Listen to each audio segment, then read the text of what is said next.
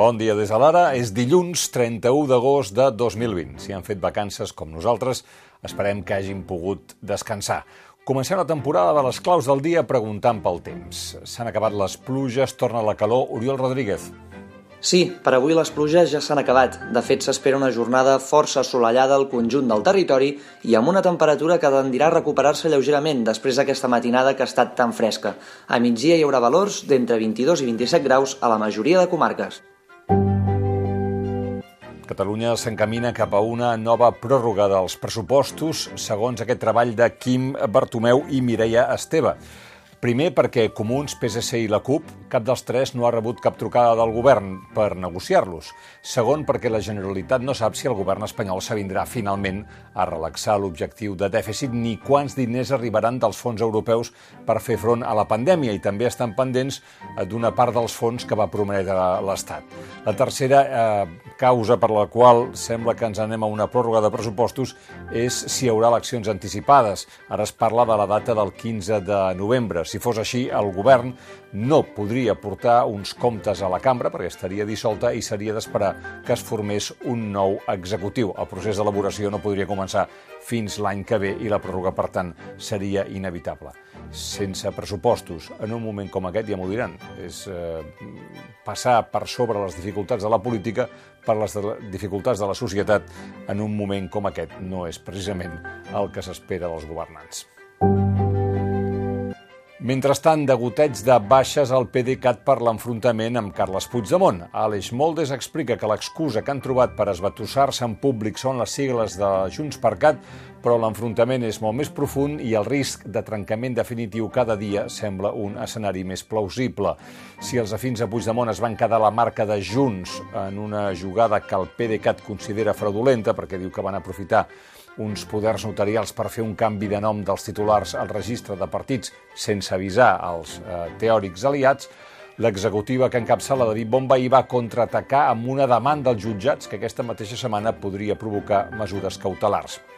La resposta des de Junts pel Cat, doncs això que acabem d'explicar, ha arribat en forma d'estripada de carnets. Han fet el pas cinc senadors, els cinc senadors de la formació, el conseller exiliat Lluís Puig i ahir, segons va informar l'ANC, els regidors metropolitans del partit. Hem entrevistat la persona que podria ser la candidata de Barcelona pels Comuns, per l'alcaldia de Barcelona pels Comuns, el dia que plegui Ada Colau. Es tracta de Janet Sanz. És l'actual regidora d'Urbanisme i Mobilitat. Diu coses com ara que els canvis que hem fet per afavorir els vianants han vingut per quedar-se i que les habitacions només s'haurien de llogar a qui es quedi a la ciutat. I ha definit els canvis a Barcelona per eliminar cotxes i tenir un urbanisme més verd com el Pla Cerdà de les ciutats del segle XXI. Jo el que li he demanat, per exemple, al meu, al meu arquitecte en cap, el Xavier Matilla, és que tirem endavant una proposta de concurs per aconseguir que un equip, com en el seu moment als anys 80, l'Oriol Boigues va tenir un equip de persones no? que el van ajudar a dissenyar la ciutat eh, dels, dels 90, que ha tingut i té una vigència encara importantíssima, hem de repensar aquest model i per tant estem acostumats a veure-ho tot amb llamborda, amb no sé què, amb ciment. Potser els materials han de ser diferents de l'espai.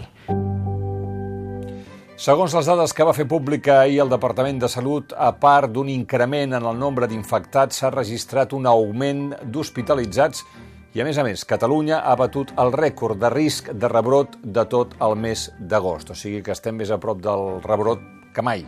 Per cert que ahir, des del govern, es van referir a les concentracions de gent al carrer a Vilafranca del Penedès per la Diada de Sant Fèlix. Pere Aragonès. Demanem a tothom que exerceixi aquesta responsabilitat. No podem tornar a veure escenes com les d'ahir perquè tiren per terra la feina que s'està fent per doblegar la corba. Per tant, fem una crida a la responsabilitat de tothom.